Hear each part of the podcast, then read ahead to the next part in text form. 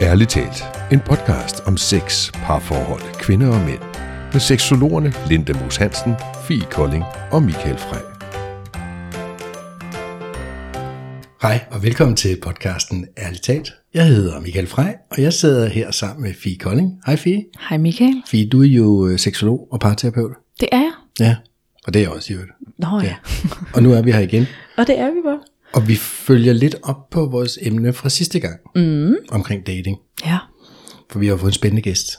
det har vi. Patricia Jimenez. Er det rigtigt? Ja, det er rigtigt. Fedt. Fedt. Ah, den sad næsten lige i skabet. Du er forfatter og kærlighedsterapeut. Ja, Var det det, vi blev enige om? Ja. Ja. Og hvad, hvad, er, hvad betyder det at være kærlighedsterapeut? jamen øh, det betyder, at for det første så er jeg under uddannelse hos Daisy Løvendal. Øhm, så jeg er ikke helt færdig nu.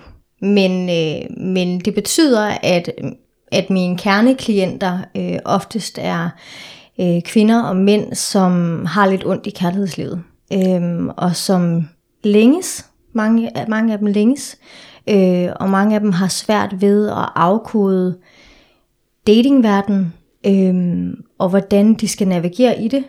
Og, øh, og mange af dem har også spørgsmål til, hvad er reglerne? Øh, og i virkeligheden synes jeg jo ikke, at der er nogen regler. Mm. Så mit, mit job er i virkeligheden at holde rummet øh, og, øh, og stille nogle spørgsmål, som kan fordre til noget refleksion. Mm. Øh, og så belyse ud fra den erfaring, som jeg har med mig. Ikke? Og nu siger du, du, var, du er under uddannelse. Ja. Er du under uddannelse til? Seksolog og parterapeut. Seksolog og parterapeut. Ja. Men det her med dating, Ja, der har du jo en ballast. Ja. Og, en, og, en, og en erfaring, ja, kan man sige. Som er, vel, er det den, der startede det hele? ja. Fordi Du har jo været på ualmindelig mange dates. Ja, jeg har hvordan, været hvordan på- kom det i... i Jamen, jeg har i hvert fald været på 200 dates, ikke?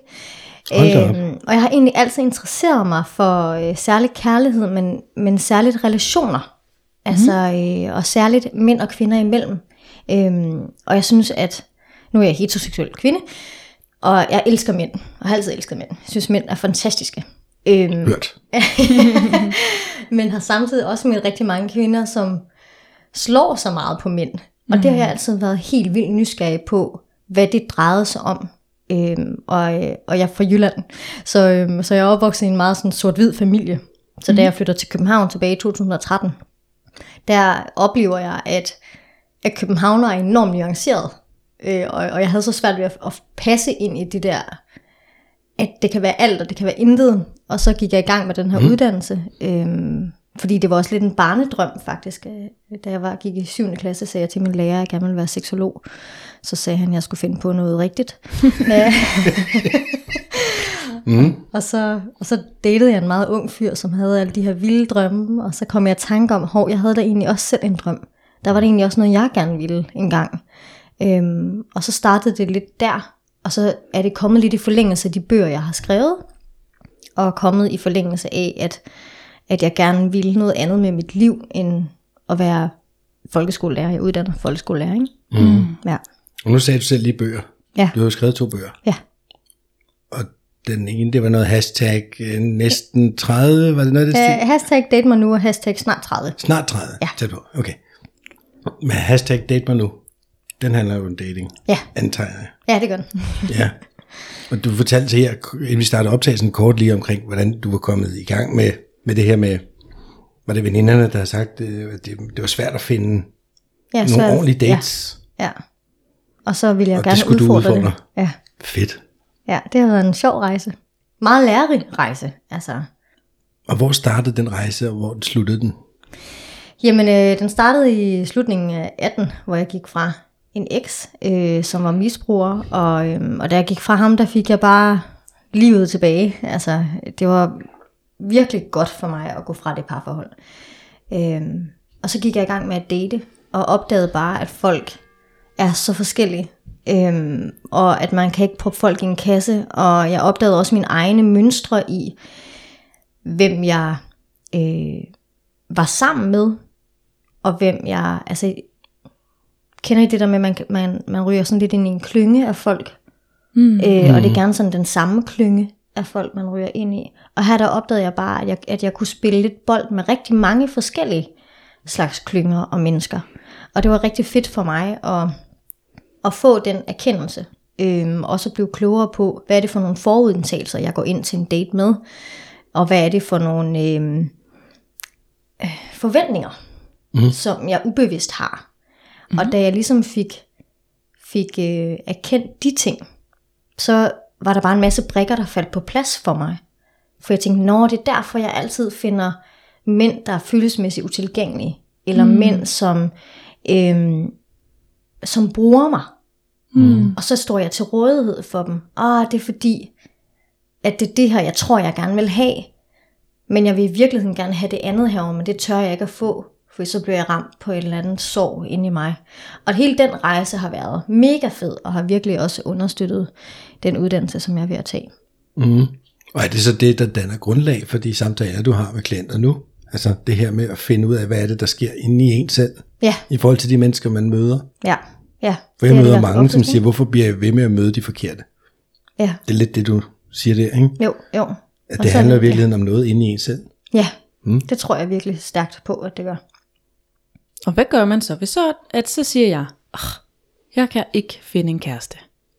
Ja. Så ringer jeg til dig, og så siger jeg, hallo, hjælp mig med at finde en kæreste. og hvad, hvad er så processen? Snakker vi, er det sådan noget, hvor vi så går vi tilbage i min barndom og finder ud af et eller andet, eller, eller hvordan? Hvad, hvad vil vi sådan arbejde med? Altså det kunne det godt være. Nogle gange er det relevant at gå tilbage dertil. Øh, andre gange så er det mere relevant at gå tilbage til den første kæreste, altså den første kærlighed, mm-hmm. der var. Og så oplever jeg også, at folk kan komme ind øh, og tro, at det er det, de egentlig gerne vil have svar på, men finder sig ud af, at det i virkeligheden er noget andet, der faktisk rører sig, som de lige skal have styr på først. Mm. Fordi tingene hænger jo gerne sammen. Ja, det ved jeg ikke, om I har samme oplevelse. Mm, absolut. I praksis, ja. Ja, jeg oplever tit, at folk kommer til mig og siger sådan, ej, vores sexliv er bare helt vildt dårligt. Og så finde ud af, at det er faktisk ikke sådan rigtig noget med sexliv at gøre. altså, ja. den er sådan, det er måske sådan lige 10% af problemet. Men det er alle de andre ting. Ja. Kommissionen, tilliden, trygheden, respekten, så videre. Og mønstre. Ja. ja. Mm. Og dynamikken imellem folk også, ikke? Øhm, og det arbejder jeg også. Nu, nu er jeg begyndt at få mænd ind i, øh, i stolen også, og det er også virkelig fedt og spændende arbejde. Øhm, men, men jeg oplever særligt med kvinderne, at, at det er i dynamikken med det andet menneske, at de opdager nogle nye sider af sig selv. Fordi de kan sidde og være sådan meget strong independent women, mm. som sidder i den stol. Og så snart at der, der kommer øh, færden af følelser, eller at der kommer noget på spil, mm. så sker der noget. Altså fordi mm. det kan rykke ved nogle tilknytningsmønstre, og det kan rykke ved noget usikkerhed, og nogle gamle oplevelser, eller øh, bare sådan mønstre i det hele taget. Øhm, og det er et interessant arbejde, både for mig og for dem, og, og få lokaliseret, hvad er det egentlig, altså hvad er det egentlig mønstret er, mm. og, og har de her tidligere øh, kærligheder, har de noget til fælles? Hvor har de så det? Typisk. Mm, ja, det kan de godt have. Mm. Øh, og det er ikke altid så tydeligt lige til at starte med. Fordi nogle gange skal man backtrack ret langt fra den seneste til den, til den allerførste for eksempel. Mm. Og så kan det være, at det man imellem har været noget helt andet. Øhm, og så er der nogle andre ting, der er gået galt der. Sådan. Men nogle gange skal vi tilbage til den allerførste oplevelse, de har haft med kærligheden. Ikke? Mm. Ja. Mm. Hvad, hvad, altså, jeg ved godt, det er meget bredt åbent spørgsmål, men hvad kunne der være sket der? Altså, er der noget, du støder mere på end andet, eller er alles historie forskellig?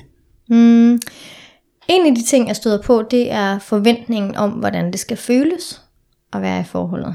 Ja. Øhm, fordi mange af dem, deres første kærlighed er jo tilbage fra da de var teenager. Jeg har selv ramt ind i den der. At så skal det da, når jeg så møder en, jeg synes er interessant, skal det vel føles som da jeg var 16 og gik i gymnasiet og var fuldstændig optaget af det her menneske. Og nu er vi jo voksne, altså, øhm, og måske den der hovedkulse, forelskelse, i virkeligheden ikke er særlig fed at have, når man er 30 og har et job, og skal fokusere på nogle andre ting også. Fordi, jeg, jeg ved ikke, hvordan I havde det, da I var 16 år forelsket, eller 17 år, eller hvad gammel man nu var. Men det fyldte jo alt, altså i hele ens verden. Og man mm. kunne ikke spise og sove, og man kunne ikke fokusere på noget som helst. Og i virkeligheden, så var det jo ikke særlig rart. Egentlig. Men, men det er vores... Øhm, i hvert fald for mig og nogle af de kvinder, jeg har siddende i stolen, sådan en fælles oplevelse, at det var sådan, det var. Og, øh, og så er det nok også sådan, det burde være nu. Mm. Men hvorfor føler jeg ikke mere? Hvorfor savner jeg ikke? Burde jeg ikke egentlig at sådan savne personen helt vildt meget? Og der synes jeg jo, det er mere interessant at sige, men burde du det? Føler du, at du burde det? Er det, er, er det gavnligt for dig at savne på den måde, som da du var 16? Mm. Giver det mening? Mm. Ja. Ja, det giver fin mening. Hvad siger folk så? Øhm, jamen, jamen, jeg havde en, en klient inde, som, hvor det her med savn netop var et tema, ikke? Øh, hvor hun så siger, jamen det er fordi mine veninder siger jo, at, at så er det nok ikke noget alligevel, fordi jeg savner ham jo ikke. Mm. Og så spurgte jeg hende, men har du brug for at savne? Hvordan er det for dig at savne? Så siger hun, jeg hader det. Det er forfærdeligt. Jeg hader det, at jeg føler afsavn. Så siger jeg så, nå, men det er jo interessant. altså, hvordan er det så ikke at savne ham? Jamen det er jo egentlig, det giver mig jo i virkeligheden ro. Okay, men så det er jo fedt at vide, altså, at, Ja, er det så et problem? ja, er det så i virkeligheden et problem? Burde det du så i virkeligheden at savne? For man kan vel godt elske et andet menneske, uden at savne, at have det der store følelse af savn. Ja, ja, Og bare hvile i det. ja. Interessant. Og hvis vi skulle prøve at snakke ind i sådan, øh, er der nogen sådan, hvad skal man sige, vi spørger tit om sådan nogle, øh, vi gør det tit til sidst, nu tænker jeg, måske kan vi gøre det først, og så kan det være, at vi kan snakke dybere ned i det. Mm. Men sådan noget med dine tre bedste datingråd, eller tre råd til singler, eller til dig, der gerne vil finde kærligheden, eller et eller andet, og så i stedet for at vi bare lige siger, pu, pu, pu, så kan vi måske prøve sådan at dykke lidt mere ned i det her med sådan, hvis man står og single, og gerne vil finde kærligheden, hvad, hvad vil være din råd, man så skulle, skulle gøre? Øhm, i forhold til hele det her dating? Ja, altså jeg har sådan forskellige øh, veje, jeg har lyst til sådan at gå ud af, eller forskellige ben, som jeg synes er relevante at gå ud af. Mm. Øhm, fordi det første, der kommer op i hovedet, det var at være dig selv. Ikke? Men, men det er jo også på baggrund af, at man så ved, hvem man selv er. Kan man sige. Mm. Så skal man jo have den viden. Mm. Og, og det kan terapien jo hjælpe en med at finde ud af. Øh, og særligt hvis man har været igennem et eller andet i sit liv, hvor at man kommer fra et udgangspunkt, og skal igennem et eller andet, der ikke er særlig rart, og så kommer ud til et andet udgangspunkt. Hvad, hvad har det kostet, og hvad betyder det, og hvem er jeg nu? Fordi vi er jo trods alt ikke de samme mennesker, øh, som da vi var 16. Altså forhåbentlig så har vi udviklet os en hel masse, øhm, og den udvikling giver os også nogle nye blinde vinkler, og giver os nogle, øhm, nogle nye spændende kanter af os selv, som måske er meget gode at blive kloge på, for at kunne være sig selv.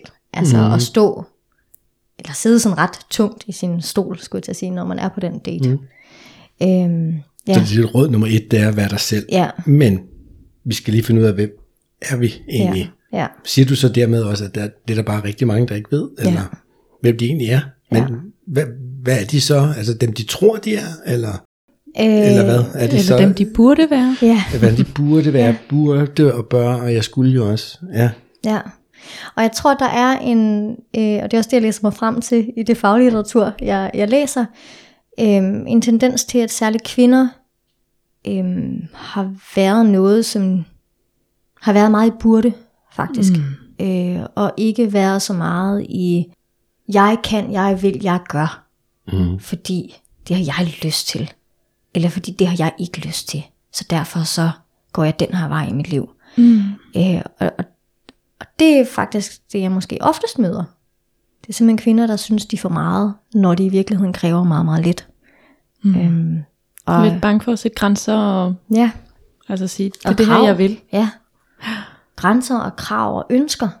Mm. Øhm, og det er øh, trist, synes jeg jo, fordi... Men jeg tænker også, at sådan, for eksempel, øhm, jeg synes, at øh, hvis nu, øh, nu jeg for eksempel er single, og så synes jeg, så kan jeg tit blive mødt af min mor, og min bedstemor, og min gudmor, og alle andre kvinder 50 plus, som siger, Amfi, du er for kredsen. Ja, Og så er den der, nå, okay, nå, men så er det jo det. Men hvor jeg egentlig sådan, du ved, så har jeg tænkt sådan, okay, men så må jeg jo lade være med at være kredsen. Men hvad er kredsen på? Ja. Eller sådan, og den der sådan, fordi at at hvis vi, altså kredsen er lidt et grimt ord, men det er jo bare at stille krav, også i forhold til sådan, jamen, hvad vil jeg have i en partner? Og det er jo ikke nødvendigvis kredsen på udseende, sådan, og det er jo tit den, man taber ind i det, der sådan, om han skal være højere end mig, eller han skal have mørkt hår, eller han skal have et eller andet. Men, men ofte er det jo slet ikke der, den ligger.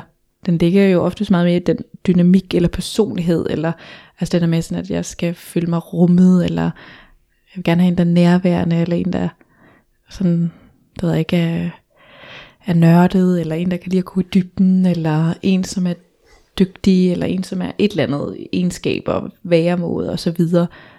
Og den der med sådan at sige, jamen, at, at jeg er kredsen øh, på for eksempel, at vil have en, som, som godt kan lide at gå i dybden, og en, som synes, at det er spændende at arbejde ned og reflektere, og, og sådan noget selvmeta-perspektiv på sig selv, jamen, så det er jo at være kristen, men det er jo også et krav, og det er også et ønske, og det er også en grænse at sætte, at jamen, jeg vil ikke være sammen med en, som ikke vil det her, eller som ikke drømmer om det her, eller som ikke har den her interesse, eller et eller andet. Så den der med, at, at jeg tænker, at der er rigtig mange, som igen det her med burde, kommer jo lidt udefra, og som bliver til en ting indfra, men, men vi bliver jo også, synes jeg i hvert fald selv, projekteret udefra af rigtig mange, som også siger ting, jeg burde, fordi jeg er jo single, så jeg burde jo få en kæreste, og jeg burde ikke være så kredsen, sådan at jeg kan få en kæreste, og så burde jeg også snart få nogle børnebørn, eller, eller altså den der sådan, hele tiden den der sådan, så der, der er jo også masser af Pres. pressen udefra til alle mulige ting, så den der, når jeg så siger sådan, jamen nu sætter jeg altså lige et krav, ej, du får kredsen, nå okay, undskyld, eller, Ja. altså det er jo hurtigt den der, man kan tabe ind i i hvert fald, hvis man så prøver, fordi at, at der også kommer noget udefra jo. Ja, og jeg tænker bare, når, når jeg sådan hører dig sidde og fortælle, så tænker jeg, men at blive rummet og set og hørt af sin partner, er det at være kredsen, eller er det bare minimumskravet? Præcis. Altså i et parforhold, når man er to mennesker, der forhåbentlig gerne sammen vil et sted hen, som sådan partners in crimes, men er kriteriet for det så ikke, at man kan rumme hinanden og se hinanden og, øh, og, og lytte til hinanden og ville noget sammen. Og det synes jeg bare ikke er at være kredsen. Altså, og, og, det, jo, og det er jo det, jeg netop møder, ligesom du mm. siger, ikke? det er det, jeg møder. Øh, særligt kvinder, der, der, der oplever, at folk siger, ej, hvor er du kredsen. Mm. Og så lister vi det op inde i, mm. i samtalerummet, ikke? og jeg, jeg skriver det op på tavlen. Og så øh, de fleste kvinder bliver sådan lidt øh, små, mm. tror jeg, at er det bedste ord, jeg kan bruge for det, fordi de synes næsten, det er sådan lidt skamligt, og vil have en partner, der ser og hører dem. Og nogle gange får jeg lyst til, og det er jo ikke min plads og sådan noget, men jeg kan godt få lyst til sådan at kramme dem, og sige, du er ikke for meget. Mm. Du er virkelig ikke for meget. Det her, det må man gerne ville have i sit parforhold. Mm. Altså det, det, det er da næsten det, man skal have i sit parforhold. Hvis det er det, man ønsker, så er det da helt okay at gerne vil have det. Og den, øh, at kunne give folk den erkendelse i det rum, til at de kan gå ud og sætte sig selv stærkere og sige, jamen, jeg kan godt leve med mange ting. Altså, det kan man jo godt, ikke? Man kan jo ikke få alt, vel? når det er man, og det er der jo ikke nogen, der kan. Øhm, tror jeg ikke på, og, og det kan jeg i hvert fald ikke selv i mit parforhold, og jeg synes virkelig, mit parforhold er virkelig, virkelig godt. Så kan jeg få en hel masse andet, og så kan jeg gå på kompromis med det, jeg så ikke kan få, og så kan vi arbejde på det. Og det kan vi jo, fordi vi er gået ind i det sammen med en, en, et ønske og en idé om, at vi gerne vil et sted hen sammen, fordi vi gerne vil hinanden. Mm. Og det er minimumskravet. Og det er sjovt, når du siger kompromis, så, ved, så tænker jeg også, jamen, hvis man virkelig rummer hinanden, og hinandens forskelligheder, og alt hvad vi nu er, så er der vel ikke det store behov for at gå på kompromis. Altså, fordi så, så kan man bare rumme det. Ja. Og det synes jeg er en federe tankegang end kompromiser. Ja. Fordi det kunne godt, der kunne også godt underliggende være et eller andet sådan lidt halvnegativt. Altså, oh, så bliver jeg nødt til at, okay, jeg går med på det her, så får jeg. Jamen, Ja, ja, så men hvis man kan andet, ikke? rumme det, Ja. så er det da en- endnu federe. Ja, og måske også kan øh, at kunne rumme det sammen. Altså mm. at, øhm, må, må jeg drage en egen parallel? Mm. Selvfølgelig. Øhm, altså en af de ting, der er i min og min partners parforhold, øhm, som, som jeg føler, jeg går på kompromis med, men så kan jeg få alt det andet, det er, øh, vi er meget forskellige i forhold til det der med at tale med gamle kærester og ekskærester. Øh, jeg gør det ikke. Jeg laver meget clean cuts, og han kan godt gøre det, uden at der er noget i det. Mm. Og, øh, og det er meget svært for mig at være i, øh, men har jo valgt ham. Og, øh, og har været meget transparent med, her er noget for mig, der er meget, meget, meget svært. Mm. Og, og, jeg, og jeg tror godt, at vi giver det ret, Michael, i det der med, jeg ved ikke, om det, om det føles som en kompromis egentlig, fordi vi tager kampen sammen. Mm. Han lader mig ikke tage kampen alene, det er noget, vi taler om, det er noget, vi arbejder mere sammen i, hvordan, hvad, hvad er det for nogle ting, jeg tænker, hvad er det, jeg bliver bange for, hvordan fungerer vi hver især og sådan noget, så vi tager samtalerne. Og, og på den måde du, vil jeg gerne give det ret i det der med, at på den måde det er jo ikke et kompromis, det er mere en, det er en udfordring og noget bagage, som, som vi arbejder på sammen, som er vores, fordi vi gerne vil hinanden. Og det er da smukt, at kunne Ja. skabe den rummelighed sammen. Ja. Og netop fordi jeg ligger i kompromis, det er, men om så får han lov til det, men så skal jeg have noget andet. Altså det er jo typisk det, der er i kompromis, Ja, ja, ikke? Altså får man lidt hver vej, altså det er lidt, ja, det dur jo også i mange sammenhænge, men, Jo. men øh, rummelighed, det, det er fedt.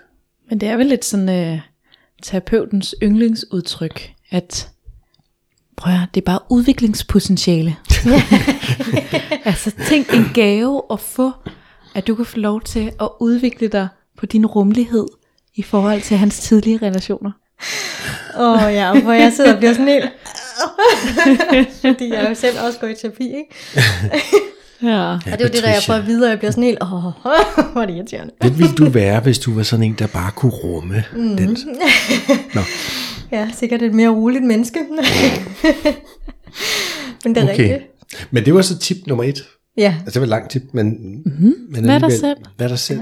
Ja. Men find lige ud af, hvem du er, egentlig, Ja. inden du render ud af det. Ja, Kan og det, det drejer sig vel, hvis vi lige bare lige skulle runde sådan af, hvad det indebærer.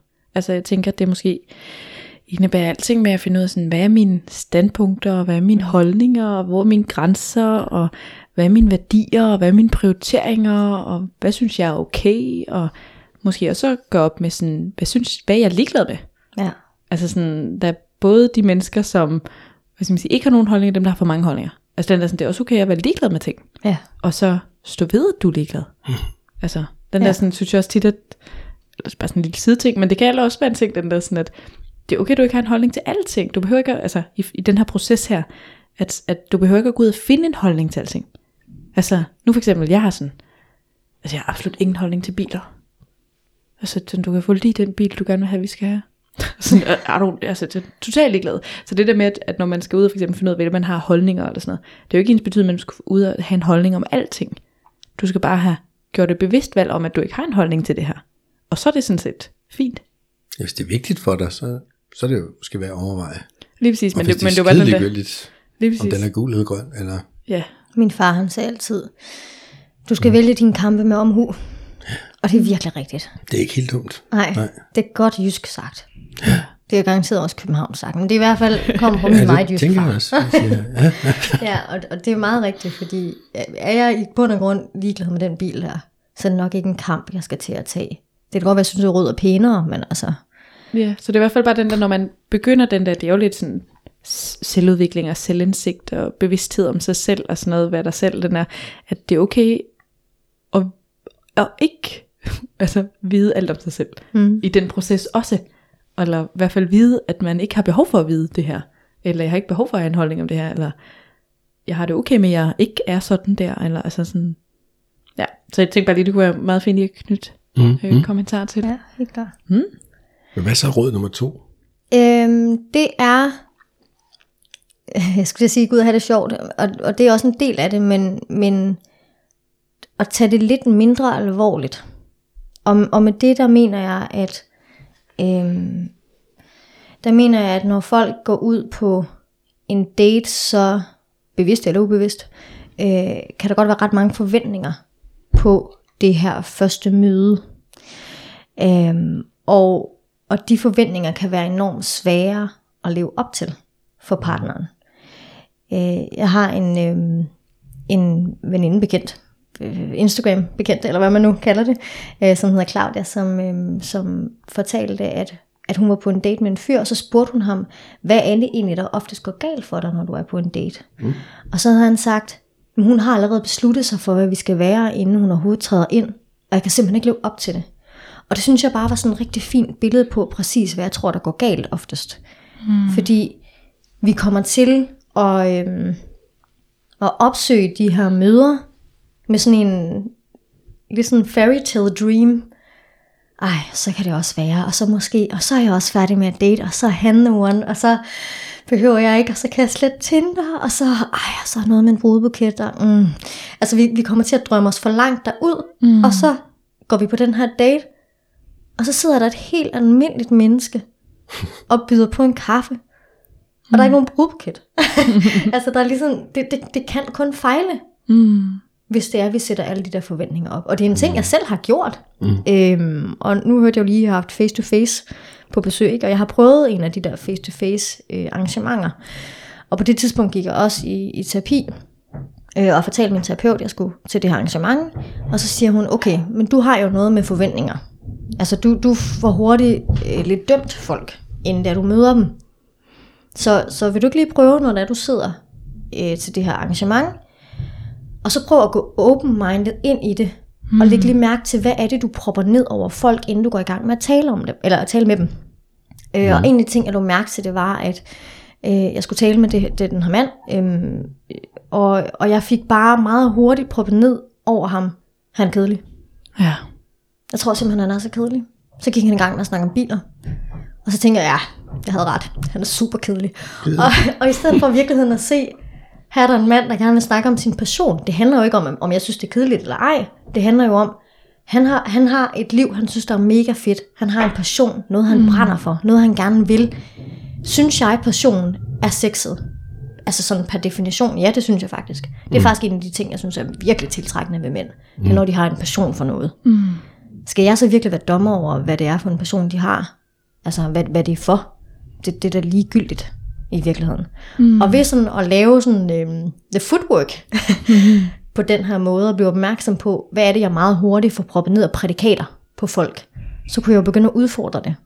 Og det har været virkelig spændende, fordi verden har åbnet sig på en ny måde, og jeg er også blevet meget mere åben over for, hvad folk indeholder. Øhm, og det er virkelig interessant arbejde at gøre med sig selv. Og, og jeg tror, det er derfor, der er så mange, der bare har første dates de ryger ligesom aldrig videre til anden date. Eller de er mm. meget hurtige til at gå tilbage på Tinder, altså og svare videre, fordi nu var Martin fra Gladsaxe ikke lige noget. Mm. Altså, fordi jeg var kommet til at proppe for meget forventning ned over, hvad han skulle være, hvilken kasse han skulle passe ned ind i, for at kunne passe ind i mit liv. I stedet for bare at lade ham være ham, og lade mig overraske også. Ikke? Så mm. ikke tage det så alvorligt, og lad dig overraske. Ja. Ja. Ja. Vær åben. Ja, have fun. Altså at gå ud og tage et møde for et møde. Og så øh, være opmærksom på, hvad er succeskriteriet også? Er succeskriteriet, at jeg skal gå derfra og være teenageforelsket? Øhm, og hvis det der er succeskriteriet, så bliver det svært at mm. kunne indfri. Mm. Og hvis det bliver indfriet, så vil jeg nok også stille et skarpt spørgsmålstegn ved, hvad, hvorfor, hvorfor er du så teenageforelsket efter et møde, du kender jo ikke personen. Så hvad er det, der gør, at du synes er så, så lækkert, uden at have et, et dybere kendskab til det her menneske? Mm. Øh, hvad er det, du drømmer om? Hvad er det, det sætter i gang? Ja, for det er jo lidt, øh, hvis man skulle karikere, så er der de to yderpoler. Der er dem, som aldrig kan få en kæreste, og så er der dem, der non-stop har en kæreste. Ja. Den ene efter den anden. Det kan godt ske, det er mange, altså det der sådan, at man har altid en ny kæreste. Det er jo lidt den der, du også sådan snakker ind i det her til sidst med sådan, at okay, hvorfor er du så hurtigt forelsket? Eller sådan den der, du har, kender jo person. Altså den der med, at det er jo lidt, ja, hvis man skulle karikere det, så er det ligesom de to yderpoler, der er. Dem, ja. der aldrig får en kæreste, og så dem, der altid har en ny kæreste. Ja, ja. Som jo er to forskellige, øh, hvad skal man sige, de er jo egentlig meget alike, altså de er jo egentlig meget ens, men, men med hver deres udgangspunkt øh, i det. Det bliver meget mm. enten eller, ikke? Mm. Altså det er 100% eller 0%. Ja. Og det er ærgerligt. Så det er jo spejlvendt. Ja, ja, og det synes jeg er ærgerligt, og jeg kan godt forstå, hvorfor folk bliver frustreret, mm. altså på datingmarkedet. Og så vil jeg så også sige, at øh, lige præcis Tinder er jo ikke, øh, er det jo ikke bygget til, at vi skal finde kærligheden. heller. Mm. Nej. Øhm, altså det er jo en forretningsmodel. Og, øh, og det er sådan lidt mere beat the game. Altså, og man skal have lidt brede skulder, hvis man skal bruge Tinder som sin nummer et platform.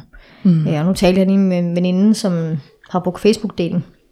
Øhm, og hun siger, at det fede ved Facebook-delen, det er, at hvis jeg kommer til at være for hurtig, så kan jeg bare gå tilbage og fortryde. Og så, så kan jeg matche med det her menneske alligevel. Øhm, og, øh, og man kan se alle dem, der har liket en og sådan noget. Så mm. der, der er Meget mere transparent. Ja, det er meget mere transparent. Ja. Øhm, og det, det, det synes jeg egentlig er ret fedt. Mm. Men Tinder er bare det sted, hvor at de fleste er. Mm. Ja, så jeg synes også, det handler lidt om at blive skarp i sit Tinder-game. Og, øh, og, og stå stærkt derinde, hvis det er den platform, man bruger. Ikke? Og det er blandt andet det, jeg også øh, meget via min Instagram hjælper folk med. Ikke? Mm. Stå stærkt på Tinder. Ja, nu er vi lige i gang med at tale om råd, men jeg får jo helt lyst til at spørge, hvordan gør man det? Men det er måske for another afsnit, men, men er, der, er der lige altså sådan en hurtig Ja. på den? Øh, jamen, jeg synes jo, man skal udfylde alle ni billeder, blandt andet. Øh, og der skal være et fuldbillede. Der skal være et billede, hvor der ikke er solbriller. Øh, der skal ikke være for mange gruppebilleder. Helst kun et. Og det skal helst være til allersidst. Øh, og, øh, og så pas lidt på med alkohol og stoffer og penge. Mm. Øhm, fordi det er der faktisk nogen, der, der gør, altså sidder og flasher penge, eller sidder og joints, eller øhm, mm. altså hvor de har alkohol på alle sine billeder. Mm. Og jeg tror bare ikke på, at alkohol er, det kan godt være, det er det. For nogle mennesker, det er alt i deres liv, men, men jeg tror for dem, der smider det ud, jeg tror ikke, de tænker på signalværdien. Mm. Så, så øh, det der med lige at få, få vist sin Tinder-profil til nogle andre, der lige kan sige, hvordan er det rent faktisk fremstår øhm, over for andre, og måske særligt en af det andet køn. Øh, og så skal man lave en profiltekst. Skal. Man skal gøre det. Mm. Og der skal ikke bare stå ens Instagram-navn. Okay, Ja, så det er sådan lige hurtigt. Jeg lige Det var den kan hurtige. mig, ikke? Check. Ja, ja. det kan jeg godt acceptere. Så råd nummer to var det her med at være åben og være Ikke være alt for seriøs. ja. og ikke være alt for seriøst. Ha' det Ha' det sjovt. ja. Og skal vi se, om der er et tredje råd Ja, gemt i ærmet? har jeg et tredje godt. Nu kommer vi også meget i dybden med dem, ikke? Øhm, et tredje råd er, og øhm, ja, den ligger lidt, måske lidt i forlængelse af, men at sænke sine forventninger. Lidt, ikke? Mm. Og lidt tage det der møde for et møde. Ja. Ja, og det ligger sådan lidt i forlængelse. Jeg tror måske toeren Har mange lidt over i træerne. Øhm, jo, ja, så alligevel, så, så, så vil jeg sige, øh, for nu har jeg jo også, har jeg også par inde, ikke? Øhm, og nogle par kommer meget sent. Altså så har de været øh, datet i lang tid, eller ofte så er de så blevet kærester, ikke? Så har de været kærester i lang tid, og så opdager de, at de har nogle forskellige ting, som er, er rigtig svære, hver især hos dem, mm. som de simpelthen ikke har fået talt ordentligt om, eller der har været noget forventningsafstemning, som der ligesom har manglet. Øhm, og så kommer de til mig lidt, når det er ved at være for sent. Ikke? Og, øh, og det er rigtig ærgerligt, ja. fordi jeg kan høre, når, når de sidder her og snakker, at, at meget af det kunne faktisk have ligget i at få forventningsafstemt til at starte med. Så måske tredje råd skal være forventningsafstemt. Hvad kunne det være for nogle forventninger? Øh, Som eksempel? Jamen lad os nu sige, at du og jeg er på date. Må jeg bruge det eksempel? Ja, ja. Ja, Michael, vi er på date. Yes. Og, øh, og vi sidder og snakker, og i stedet for at spørge dig, Nå, Michael, hvad laver du så til hverdag? Og du skal sidde og svare på det. Så er det måske mere relevant, hvis jeg tænker, okay, jeg synes, du matcher dine billeder, og det er måske endnu bedre, end hvad det var på billederne. Jeg synes, der er god kemi og sådan noget. Og jeg kan egentlig mærke ind i mig, det vil egentlig passe mig meget godt, og, øh, at vi skulle på en anden date. Så vil det måske være mere relevant at spørge dig, hvordan er du i et parforhold? Hvad er din største styrke? Mm. Øhm, hvad er vigtigt for dig at, at finde i en partner? Hvilke værdier synes du, der er fede at matche dine egne? Hvad er dine egne grundværdier? Altså, fordi i det ligger der jo også en forventningsafstemning i. Hvis du siger, hvis jeg sidder glodende øh, rød i politik, og du er glodende øh, sort, skulle jeg til at sige. Blå. glodende blå, ja. ja. Mm. Politik var måske ikke det bedste udgangspunkt, jeg kunne vælge der. Men, og du er glodende blå, og, mm. og det er sådan, at du lever efter det. Altså, og det gør jeg overhovedet ikke, fordi i virkeligheden, så det, har jeg det bare med min kulturarv. Mm. Og jeg så skal passe ind i det Fordi du skal have fire møder i ugen med dine fælles mm. omkring politik. Øhm, og så øh, går jeg også til en masse demonstrationer og sådan noget. Hvis jeg slet ikke kan se mig selv i det, eller at du for eksempel giver udtryk for, jamen lige der, der har jeg jo en partner, som bare skal holde sin mund og ikke blande sig, ikke? Mm. Øh, så vil det jo fortælle mig noget omkring, hvordan er du som menneske. Og, og jeg, jeg tror oftest, vi kommer til at bevæge os for meget på overfladen, og jeg har også helt klart selv gjort det. Og det er bare ikke på overfladen, det interessante, der sker. Mm. Og det er heller ikke på overfladen, at man som menneske får lov til at vise, hvem man er. Mm. Så når man sidder på den her date, så det er selvfølgelig super fedt, at, at man har et arbejde og sådan noget, men, men det er jo bare det, der er vigtigt. Altså, mm. Det kan vi også snakke om på anden tredje date. Mm. Ja. Mm.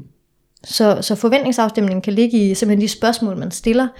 Øhm, og det kan også ligge i at tale om lidt ligesom hende Claudia der gjorde, simpelthen at få spurgt, hvad er det, der går galt for dig, når du dater? Ja, det er lidt et træls spørgsmål at stille, hvorfor er du single? Men, mm. men der, der ligger jo også noget dybere i spørgsmålet. Ikke? Hvad er det, der gør? Hvor, hvorfor er det svært? Hvordan oplever du datingmarkedet? Hvad har de største udfordringer været? Fordi mm. så får man jo noget, der har noget kød på sig, og så kan man finde ud af, okay, super, vi kan godt tale ned i den der, men det er måske en af de minimumskrav, jeg har, eller forventning, eller hvad mm. man nu kan sige, det vi snakker om før, ikke? Det er vigtigt for mig, at vi kan gå lidt ned af den her trakt og snakke om det. Om vi kan godt have den her samtale. Super fedt. Så kan man jo begynde sådan at spørge ind til, jamen, øh, jeg er sådan her, når jeg er et par folk, hvordan vil du have det med det? Eller, og man kan jo bare øh, tage den helt op i det lette og sige, nu er det bare hypotetisk, nu snakker vi bare. Og det er ikke fordi du og jeg vil skal et eller andet, og der er, altså, bare helt hypotetisk. Hvordan vil du have det med, at øh, jeg altid spiser appelsin i sengen? Hver aften. Mm. Fordi det er vigtigt for mig. Jeg skal have mine C-vitaminer, eller D-vitaminer, eller hvad der nu er i appelsiner, ikke? Og han så kan sidde og sige, det vil synes var vildt ulækkert. altså helt vildt ulækkert. Og så kan man grine lidt af det. Så du kan godt tage de der dybe samtaler, og så gøre dem lette og sjove, fordi det er jo også i, vi kender jo godt os selv, altså, og vi kender også vores, vores sådan lidt... Finurligheder. Ja, lige præcis. Ikke? Ja, lige præcis. Altså, jeg kan rigtig godt lide at twerk derhjemme, ikke? Mm. Det tror jeg da også, at jeg spurgte min kæreste, hvad er det, der har overrasket dig allermest ved, at vi har fundet sammen. Der sagde han, jeg havde ikke regnet med, at du var så crazy, som du er. og det var sådan noget, man godt kunne have snakket om, ikke? Og man kunne godt have gjort det sjovt og let. Og du står der og twerker, mens han prøver at se fodbold. Altså, Ja, lige hvad er det også for noget? Eller hvad? Ja, fuldstændig. Fedt. Fedt. Jeg, jeg, har, jeg har nogle gange udfordret mine klienter på ligesom at sige, kan du ikke præsentere dig selv, men uden at sige, hvor gammel du er, og hvor du bor, eller hvad du laver. Altså, Ja. Og så kommer folk ret hurtigt til kort, hvis Ja. de ikke er vant til det. Sådan, Nå, hvad skal jeg så sige? Agtigt. Altså, definerer det dig? Altså, hvor gammel du er, og hvor du bor? Eller, eller kunne det være noget, du er passioneret omkring, eller en hobby, eller... En egenskab, Jeg elsker, eller- du ved, så heller en person, der siger, jeg elsker musik, eller jeg elsker selvudvikling, og jeg er meget passioneret omkring heste, eller hvad pokker man nu kan være passioneret omkring. Nå, men det synes jeg er jo en federe måde at fortælle om sig selv på. Helt klart, ja. Og, og, og det kan også godt udfordre folk lidt, ikke? Altså, mm. øhm, da, da jeg var lærer, der studerede jeg jo samtidig med, og så øh, sidder jeg til det her middagsselskab, og, øhm, og samtalen bliver sådan lidt underlig og, og stille, og så sidder der en, en herre sådan på den anden side af bordet, og så siger han, øh, han råber sådan nærmest ind og siger han så, Nå Patricia, hvad, øh, hvad laver du så til hverdag? Og jeg bliver allerede træt, ikke? Og tænker, at det gider jeg ikke at have en samtale om, men altså, det kan vi godt. Og så, så startede jeg med at sige, at jeg studerer til seksolog og parterapeut. Og så blev han bare helt stille. Og han anede ikke, hvad han skulle sige. Og, og vi blev lidt i den der sådan akavede stillhed i, i et stykke tid. Øhm, og så tænkte jeg, at jeg må hellere redde ham. Og så siger jeg, så jeg arbejder også som folkeskolelærer. Nå, okay, ja, fedt, okay, hvilke fag, hvilke fag arbejder du i? og det blev sådan, det blev, ja, lige præcis, ikke? Og det blev sådan ukomfortabelt at være i den der. Og det, og det er også det, jeg mener med, ligesom du siger, at jamen, for mig, der siger det at være lærer, sagde bare ikke særlig meget om det menneske, jeg er. Mm. Altså, så, så, så spørgsmålet er træls. Altså, det er et træls spørgsmål. Mm. Også fordi det bliver sådan et jobinterview-agtigt. Og hvis der er noget, jeg virkelig hører folk sige, som når de skal date, det er bare sådan, ej, det er så hårdt at date, fordi det er bare sådan jobinterview på jobinterview på jobinterview. Og CV. Og kedelige spørgsmål. Og jeg har svaret på dem 100 gange. Så lad være med at svare på skab dit eget. Altså, Altså jeg har i hvert fald også prøvet, øh, hvad skal man sige, måske lidt i det, altså sådan, men den der med, at hvis jeg fortæller folk, at jeg er seksolog parterapeut, så føler jeg, at jeg bliver sat i en boks, Ja. og så er jeg enten sådan hyperseksuel, eller sådan et eller andet øh, trofæ, eller sådan, jeg synes, det kan have meget negativ vibe. Så jeg har sådan også mange gange prøvet at være sådan, at vi ikke har skrevet om det inden, og jeg skriver aldrig nogen steder, at jeg er det heller, hvis jeg er på online dating, og når vi så er på daten, og de spørger sådan, Nå, men hvad laver du? Jeg bare sådan, det synes jeg, vi skal undlade. Ja. Jeg synes, at vi ikke må høre noget om det i dag. Jeg vil ikke høre noget om dig, og du vil ikke høre noget om mig på det punkt, i forhold til, hvad vi laver. Jeg vil meget hellere høre omkring, hvad synes du har været det sjoveste, du har lavet den sidste uge? Ja.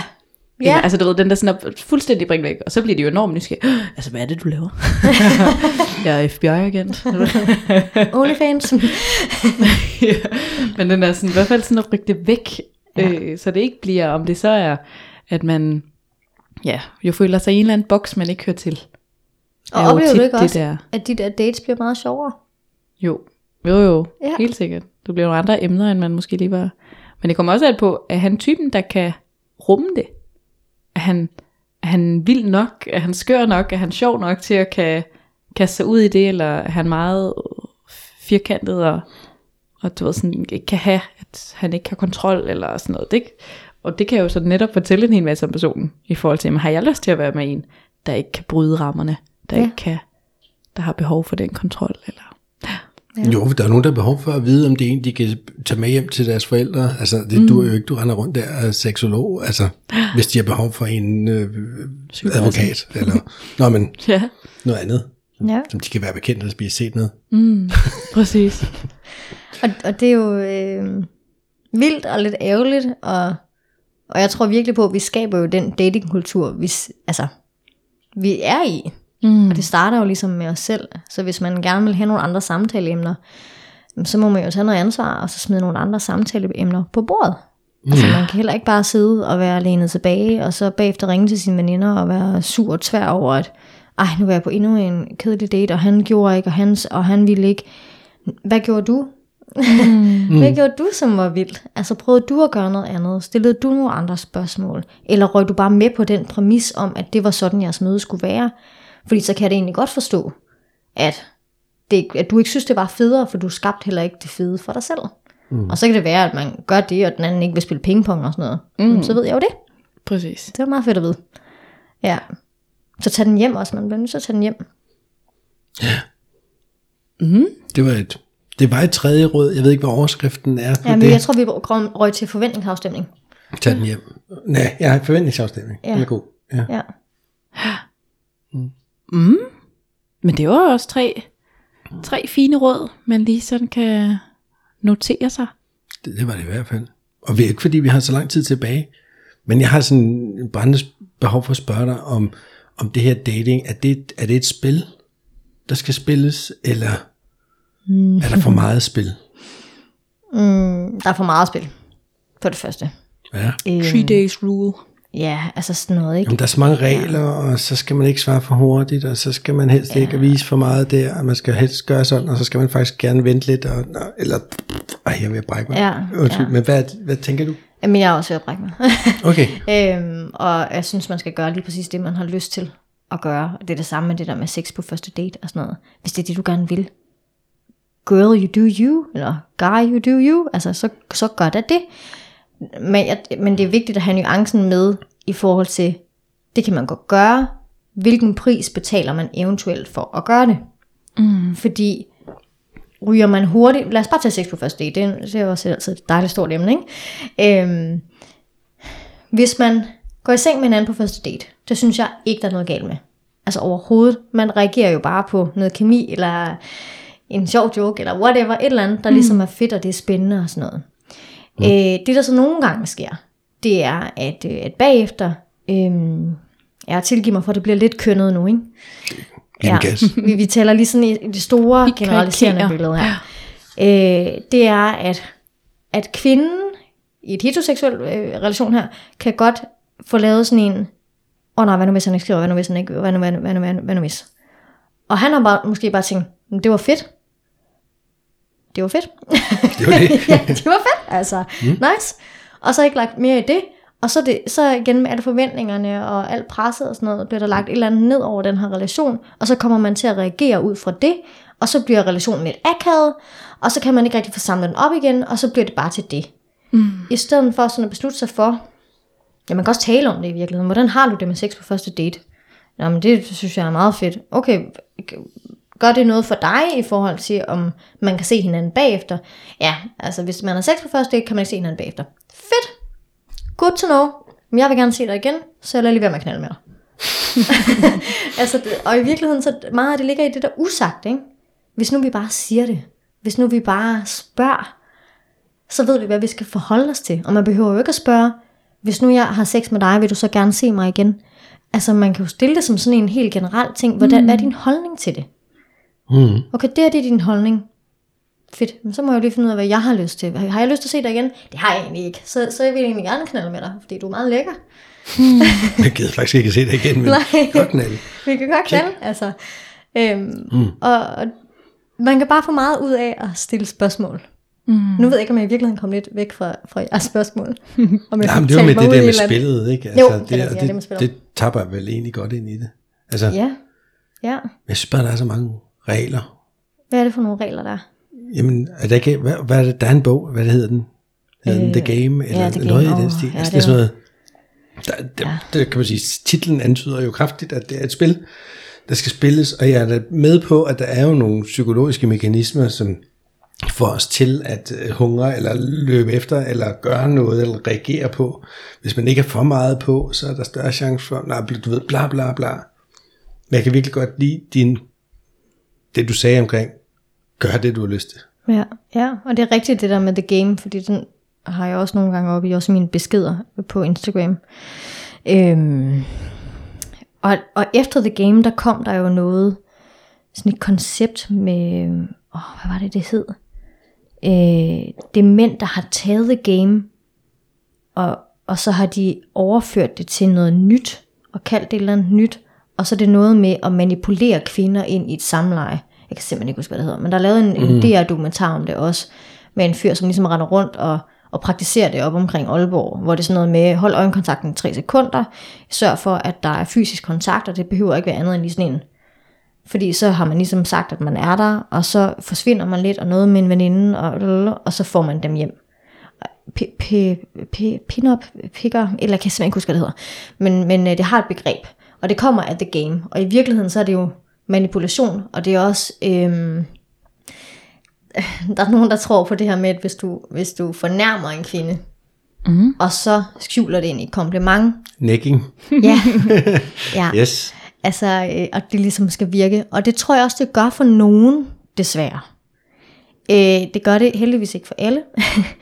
fordi det er ikke særlig fedt at, f- at få øh, en besked ind i indbakken, hvor der står, øh, øh, hvad tror du selv, du er pæn eller hvad? Hvad laver du til hverdag? Ej, jeg ved det ikke. Altså, men, det, men, men jeg har fået sådan nogle en gang imellem, hvor jeg tænker, hvad laver du? Øh, og så har jeg svaret, og sagt, gider du godt snakke ordentligt? Jamen, hvis jeg bare sendte dig en kompliment, så havde du jo ikke svaret, og nu svarer du jo, så nu har jeg dig jo. Altså det er sådan en manipulationsmåde, for, mm. og, det, og når vi ryger ud i games på den måde, så ringer mine alarmklokker. Fordi det synes jeg, man skal holde sig langt væk fra. Mm. Hvis det er øhm, at, være, at overveje konsekvenserne, hvis det er at overveje konsekvenserne af ens handlinger, så er det jo ikke et spil længere. Så tager man spillet, fjerner det og siger, okay, ud fra de informationer, jeg har fået lagt, så et, jeg behøver ikke spille noget spil. Jeg kan forholde mig til det, der ligger på bordet. Og så kan jeg navigere ud fra, hvad jeg har lyst til at gøre. Mm. Så man bliver ved med at tage den hjem. Ja. Ja, drop spillet. Så kunne det være overskriften. Drop spillet, tag den hjem. Ja, drop spillet Vær til dig den selv, hjem. have det sjovt. Ja. Og afstem forventninger. Boom. ja. Men jeg forstår godt, hvorfor folk synes, det er svært. Fordi det er svært. Ja, det skulle ikke for børn. Nej, det er det ikke. Nej, det er det ikke. på flere måder Og måske, man skal have, have brede skuldre, for at, at kunne blive ved med at tage på date efter date efter date. Øhm, Så, så når du siger, at du var på over 200 dates, ja. var det så fordi, at de, at de første 200, de duede simpelthen ikke? Eller var det en bevidst beslutning omkring, jeg, jeg, jeg skal skulle se, hvad der er, altså hvad, hvad jeg kan få ud af det her, hvis jeg tager så mange dates? Mm, nej, øh, enten, nej, hverken eller hedder det. Okay, fedt. Øhm, det var for mig, der var rigtig mange søde mænd. Der er rigtig mange søde mænd derude. Altså virkelig mange søde mænd. Og, og jeg stødte på mange af dem, heldigvis. Øhm, og jeg tror kun, jeg kan tælle ud af de der 200 dates, har jeg måske haft to eller tre dårlige dates. Altså, mm. øhm, for mig, der var det, at jeg var så upoleret, tror jeg måske, jeg vil kalde det, eller sådan blind på mig selv, og min, egne, min egen historie og sådan noget, så meget i udvikling, at jeg var simpelthen ikke klar til de her søde mænd. Mm. Så jeg var der, og jeg kunne se, at de var rigtig søde, og så flygtede jeg. Og så øh, der, hvor jeg ligesom kunne mærke, at jeg begyndte at satse noget, altså hvor der kom noget på spil, det var jo gerne der, hvor jeg aldrig rigtig fik noget tilbage. Øh, og da jeg blev mere og mere bevidst om, hvor, hvorfor er det, jeg ikke bare kan synes, at, nu tager vi Martin fra Gladsaxe igen, hvorfor synes jeg ikke bare, at Martin fra Gladsaxe, han er helt vildt skøn og dejlig, altså, mm. fordi han er så sød ved mig. Hvorfor, hvorfor, hvorfor får jeg sådan fysisk lyst til at flytte mig og sådan afsky? Hvad er det, der sker der? Og så var det med min terapeut, at vi gravede ned i nogle ting og fandt ud af, "Mm, det, det kunne godt være det her. Og i det møde med mig selv, blev jeg mere opmærksom, når jeg så mødte de her søde mænd. For jeg lå mærke til, hvornår er det, jeg gør det? Hvornår er det, jeg begynder at fjerne mig? Mm. Og, og der har jeg jo brændt mange broer, kan man sige. Ikke? Mm. Jeg tror godt, jeg tror ikke, at 200 dates havde været nødvendigt, før jeg havde fundet mig en god kæreste. Man kan sige, at alt er jo endt godt, for jeg har så fundet mig en virkelig, virkelig god kæreste. Ikke? Dejligt. Øhm, men jeg har så også gjort arbejdet Mm. for at finde den her virkelig gode kæreste. Øh, og har arbejdet rigtig meget og rigtig hårdt med særligt tilknytningsmønstre. For jeg kommer fra et, et ængstligt tilknytningsmønster. Øh, Og har ligesom skulle bevæge mig over i et trygt. Og, øh, og det har jeg gjort med en partner, der har været villig til at tage den kamp sammen med mig.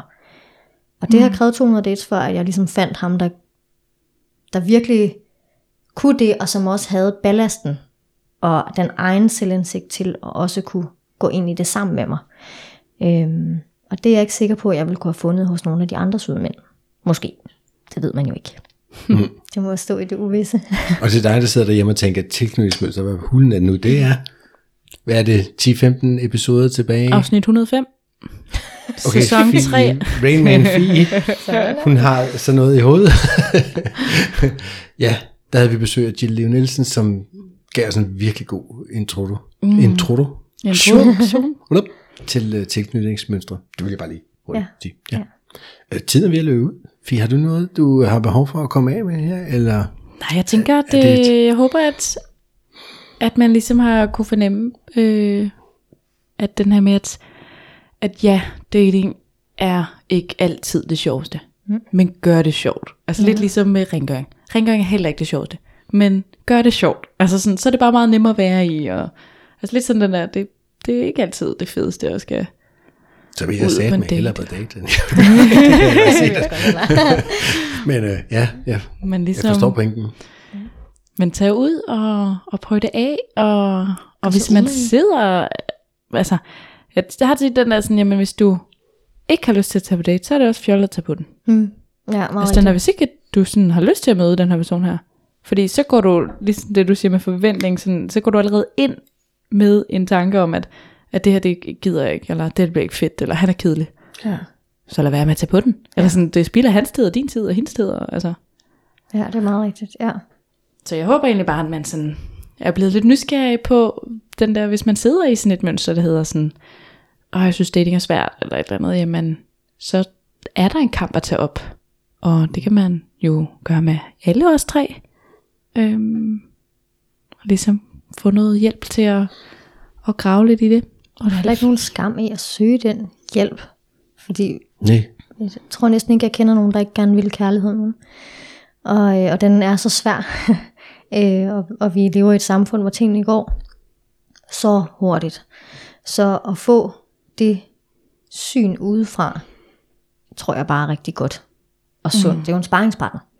Altså se det som en sparringspartner. Ja, så man lige får lov at stoppe op og trække vejret og Ja. finde ud af, gud, hvad er det egentlig, der sker? Ja. Så det er faktisk der skide travlt med Ja. at swipe til højre og venstre. Ja, min veninde hun sagde, du skal lige, du skal lige øh, motorvejen, og så lige ned og køre noget bykørsel. Stille og roligt. Lige ned i gear. Mm. Jeg er nede i fjerde gear. ja. Ja. Patricia, hvor kan man finde dig, hvis man har lyst til at læse mere eller høre mere på dig? Inde på Instagram, øh, patricia.terapi. Patricia med C. Ja, Patricia. Ja, terapi. ja, Ja, så kan man finde mig derinde.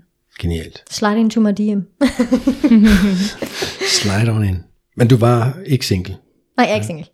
så på den måde skal jeg ikke slide ind i den. Så, meget skal man ikke slide ind i den. Nej. Super fedt. Jamen, mm. tusind tak, fordi du kom. Selv det var tak. en fornøjelse. Og tak for, at I lyttede med. Ja, vi høres ved igen om et par uger. Det gør vi. Kan I have det godt? Hej hej. Hej.